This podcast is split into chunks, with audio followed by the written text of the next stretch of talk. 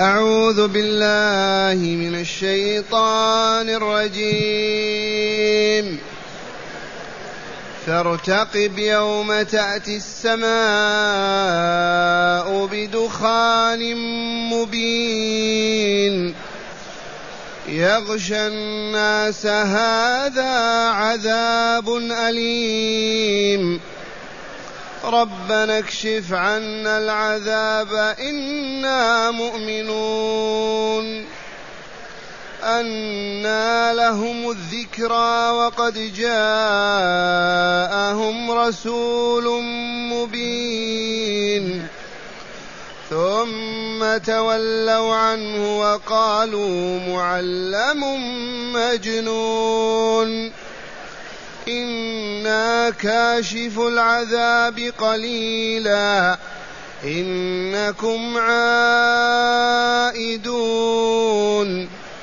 يوم نبطش البطشة الكبرى إنا منتقمون أحسنت. معاشر المستمعين والمستمعات من المؤمنين والمؤمنات. الآيات السابقة التي تدارسناها بالأمس فيها قوله تعالى رب السماوات والأرض وما بينهما إن كنتم موقنين. فقال تعالى لا إله إلا هو يحيي ويميت ربكم ورب آبائكم الأولين. إذا بل هم في شك يلعبون. كفار قريش الذين نزلت فيهم هذه الصورة أخبر تعالى أنهم في شك ما استجابوا لدعوة النبي صلى الله عليه وسلم ولا زال الشك من قلوبهم ما زالوا مصرين على الشرك والكفر والعناد والظلم والاعتداء. إذا هنا قال الرب تبارك وتعالى لرسوله فارتقب يوم تأتي السماء بدخان مبين. انتظر وتمهل انتظر يوم تأتي السماء بدخان مبين. ما هذا الدخان المبين؟ أولا من أشراط الساعة الكبرى الدجال والدخان. دخان يصيب البشرية فتصاب بالزكام والعطاس يخرج الدخان عن مناخرها عن أفواههم عن عيونها. إلا المؤمنين فإنهم لا يمسون بذلك. آية خاصة هذه. الدخان. دخان يعم البشرية في وقت واحد. المؤمنون ما يضرهم. المشركون والكافرون يصابون ببلاء ما يطاق من هذا الدخان. وهذا من أشراط الساعة الكبرى. التي إذا ظهر شرط منها توالت وتتابعت. وعما قريب يظهر الشرط الأول. أما هنا الدخان دعا النبي صلى الله عليه وسلم على قريش على أهل مكة. ضاغطوه حاولوا قتله اضطروه إلى الهجرة هاجر عذبوا رجاله إخوانه أبناء الصحابة. فدعا عليهم دعوة. قال اللهم اجعل عليهم سنين كسني يوسف. اللهم اجعلها عليهم على أهل مكة. ومن حولها سنين جذب وقحط كسني يوسف عليه السلام. يوسف الصديق ابن الصديق الكريم ابن الكريم. دعا أيضا على من؟ على الظلمة والمعتدين في مصر. أيام كان هناك. واستجاب الله له سبع سنين ما نزلت قطرة من السماء من السماء. ولا نبت نبت ولا عشب ولا كادوا يهلكون من الجوع. آية من آيات الله. فدعا النبي صلى الله عليه وسلم بهذه الدعوة اللهم اجعلها عليهم سنين كسن يوسف لعلهم يذكرون ويرجعون ويتوبون.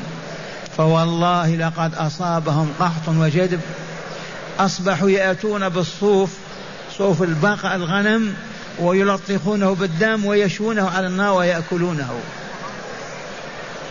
يأتون بالصوف وهو العهن المنفوش ويلطخونه بالدم دم الحيوان ويشون ويأكلون كلحم.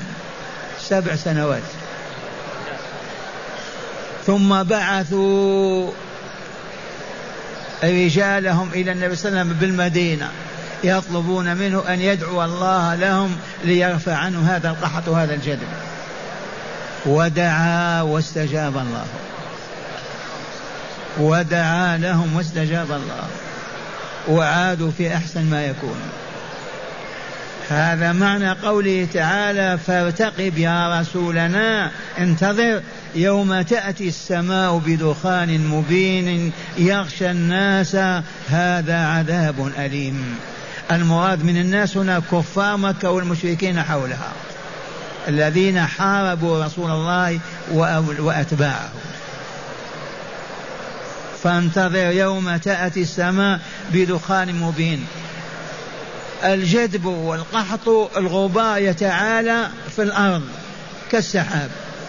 ثم من شدة الجوع يرفع رأسه هكذا ما يرى إلا دخان من شدة ما يصيب الرجل أو المرأة من الجوع يصبح يرى الجو كله دخان ما فيه سماء. والعياذ بالله. يوم تأتي السماء بدخان مبين يغشى الناس المراد من الناس هنا كفار قريش. هذا عذاب أليم. إي والله. عذاب وإلا لا سبع سنوات القحط والجدب. جاعوا كادوا يموتون بالجوع. أي عذاب هذا؟ عذاب أليم. دعوة الحبيب صلى الله عليه وسلم لشدة كفرهم وظلمهم وعنادهم. فاستجاب الله له وقال انتظر سنستجيب دعوتك. وفعل تعالى.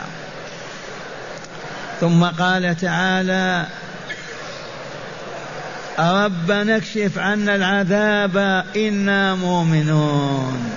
لما اشتد بهم الكرب وعظم الهم والحزن قالوا ربنا اكشف عنا العذاب إنا مؤمنون بك وبرسولك. ما نفعهم هذا الإيمان بأنه إيمان كذب. وهذا نظيره الفساق والفجار والكفار إذا كان حشرجت النفس في الصدر وشاهد ملك الموت يقول آمنت. والله ما ينفعه إيمانه. أبدا. فهؤلاء كفروا كفروا كفروا أشركوا فعلوا العجب. لما شاهدوا العذاب سنة سنتين ربنا اكشف عن العذاب إنا مؤمنون. عرفتم؟ وما كشف عنهم العذاب إلا بدعوة رسول الله صلى الله عليه وسلم. وقولهم إنا مؤمنون كذب. رفع الله عنهم العذاب وعادوا إلى الشرك والكفر وحرب الإسلام والمؤمنين. كما كانوا. ربنا اكشف عنا العذاب إنا مؤمنون. عرفتم أنهم في حال البلاء ما يقبل إيمان العبد وإلا لا؟ يقبل إيمان العبد في حال قدرته واستراحته أما إذا غرغرت وقول آمنت ما ينفع. إذا رفع السيف على رأسه أو المسدس في صدره يقول آمنت ما ينفع. لا بد أن يكون في حال وعي وبصيرة وقدرة على الإيمان وغيره. ثم قال تعالى أنى لهم الذكرى وقد جاءهم رسول مبين. كيف يتذكرون ويعودون ويتوبون؟ وقد جاءهم رسول واضح بين كذا سنة ثلاث عشر سنة خمس عشر سنة وهم يعانون من حربه وعناده والآن يؤمنون ما يؤمن. ما آمنوا؟ ما آمنوا بهذا الدخان العذاب أبدا. أن أي كيف لهم التذكر والبصير والمع والمعرفة وقد جاءهم رسول واضح بين كل شيء كل ما فيه يدل على أنه رسول الله حتى مشيته كلامه كل ما ما فيه يدل على رسالته. القرآن ينزل عليه ومع هذا ما آمنوا والعياذ بالله. ثم قال تعالى أن لهم الذكاء وقد جاءهم رسول مبين ثم تولوا عنه وقالوا معلم مجنون. هذا يعلمه مجنون من الجنون أو جان من الجنون. أهو معلم ومجنون كل ما يقول محمد وكلام المجانين. هكذا يعلن هذا في الأسواق ويوم الحج وفي مكة وفي كل مكان. معلم علمه من علمه قد يعلمه مجنون. أو هو مجنون معلم مجنون. هذا سب وشتم وتعيين وإلا لا وهو والله كذب محض. والله ما هو بمجنون. ولكن الذي علمه ربه أنزل عليه كتابه وبعث إليه جبريل رسوله يعلمه ويخبره ما علمه الشياطين ولا السحر ولا الدجالين أبدا ولكن علمه الله رب العالمين. تولوا عنه هكذا ما بون يستجيبوا ولا يسمع كلامه أبدا حتى لما بعثوا وفدهم إلى الرسول ودعا لهم واستجاب الله لهم وزال ذاك القحط والدخان عادوا كما كانوا عنادا والعياذ بالله. وهنا لطيفة علمية. اعلموها. القلوب إذا قست والنفوس إذا خبثت ما ينفعها شيء في إيمانها. ما تؤمن. كالمرض القاتل الذي يصيب الجسم في أمراض ما تعالج أبدا. ويقول الطبيب خذوه عني. فكذلك القلوب إذا فسدت تشاهد الآيات ولا تؤمن بها وتقول قولتها كما سمعتم. هذه اللطيفة العلمية. فعلى الدعاة والهداة أن يعرفوا هذه الحقيقة وأن يدعوا الناس إلى الله. فمن استجاب فذاك ومن أعرض وأبى أن يستجيب فله وعليه إعراضه. وأنت لا يحزنك ذلك ولا يؤلمك ولا يحصرك. لأن القلوب بيد الله هذه سنته. القلب إذا مريض صاحبه ما يشفى. إنك لا تهدي من أحببت. ومن شعر بضلاله وغوائه وفساده وقرع باب الله يا رب هدايتك. اللهم اهدني في من هديت. استجاب الله له.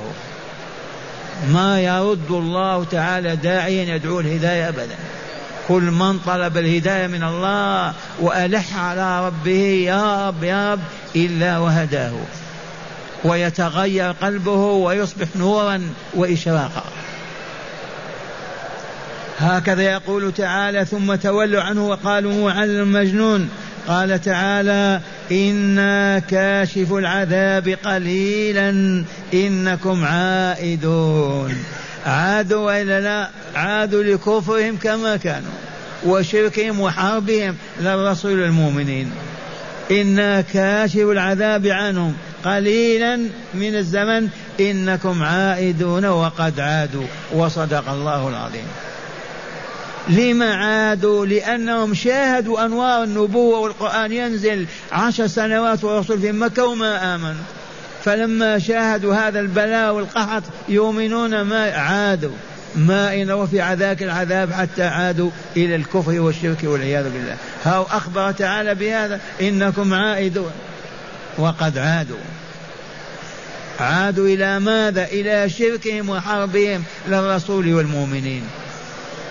ثم قال تعالى يوم نبطش البطشة الكبرى. إنا منتقمون. اذكروا اذكروا يا رسولنا اذكروا أنتم يوم نبطش البطشة الكبرى. ألا وهي حرب بدر. إذ هلك أولئك الجبابرة كلهم سبعون هلكوا وسبعون أسروا.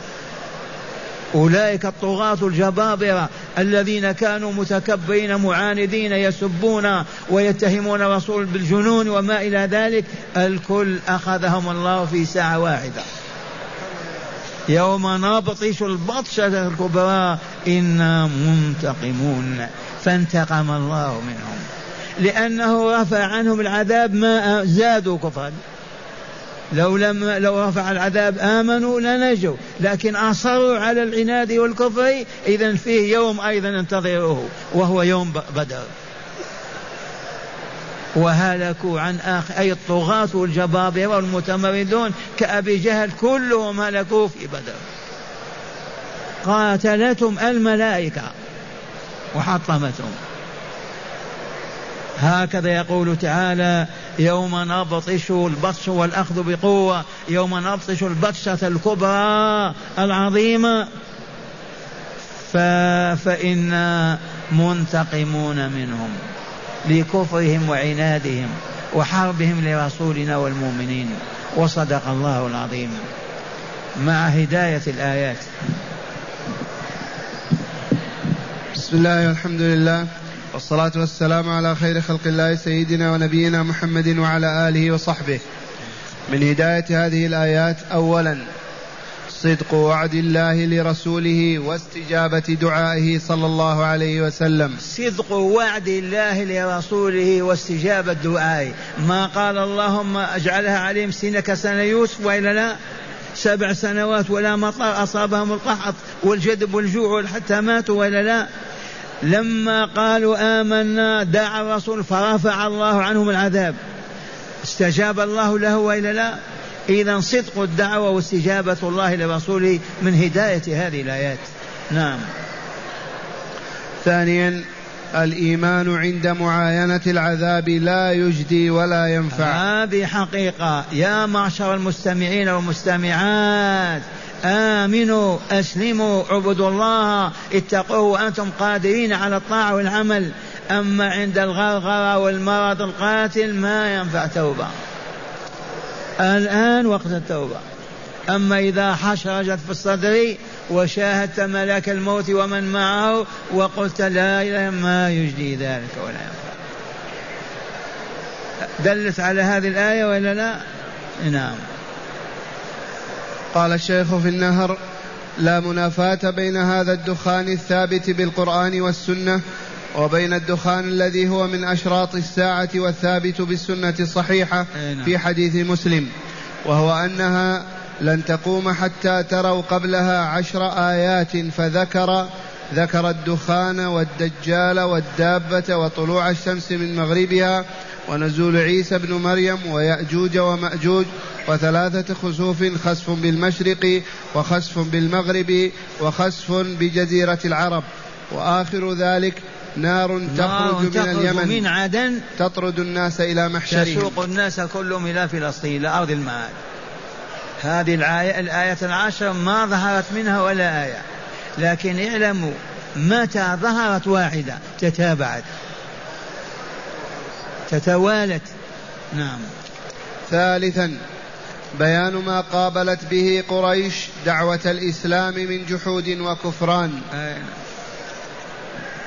رابعا إخبار القرآن بالغيب وصدقه في ذلك آية أنه وحي الله وكلامه إخبار تعالى. القرآن بالغيب وصدقه في الخبر يدل دلالة قطعية على أنه كلام الله ووحيه. ما هو شعر ولا تسجيل ولا كريم.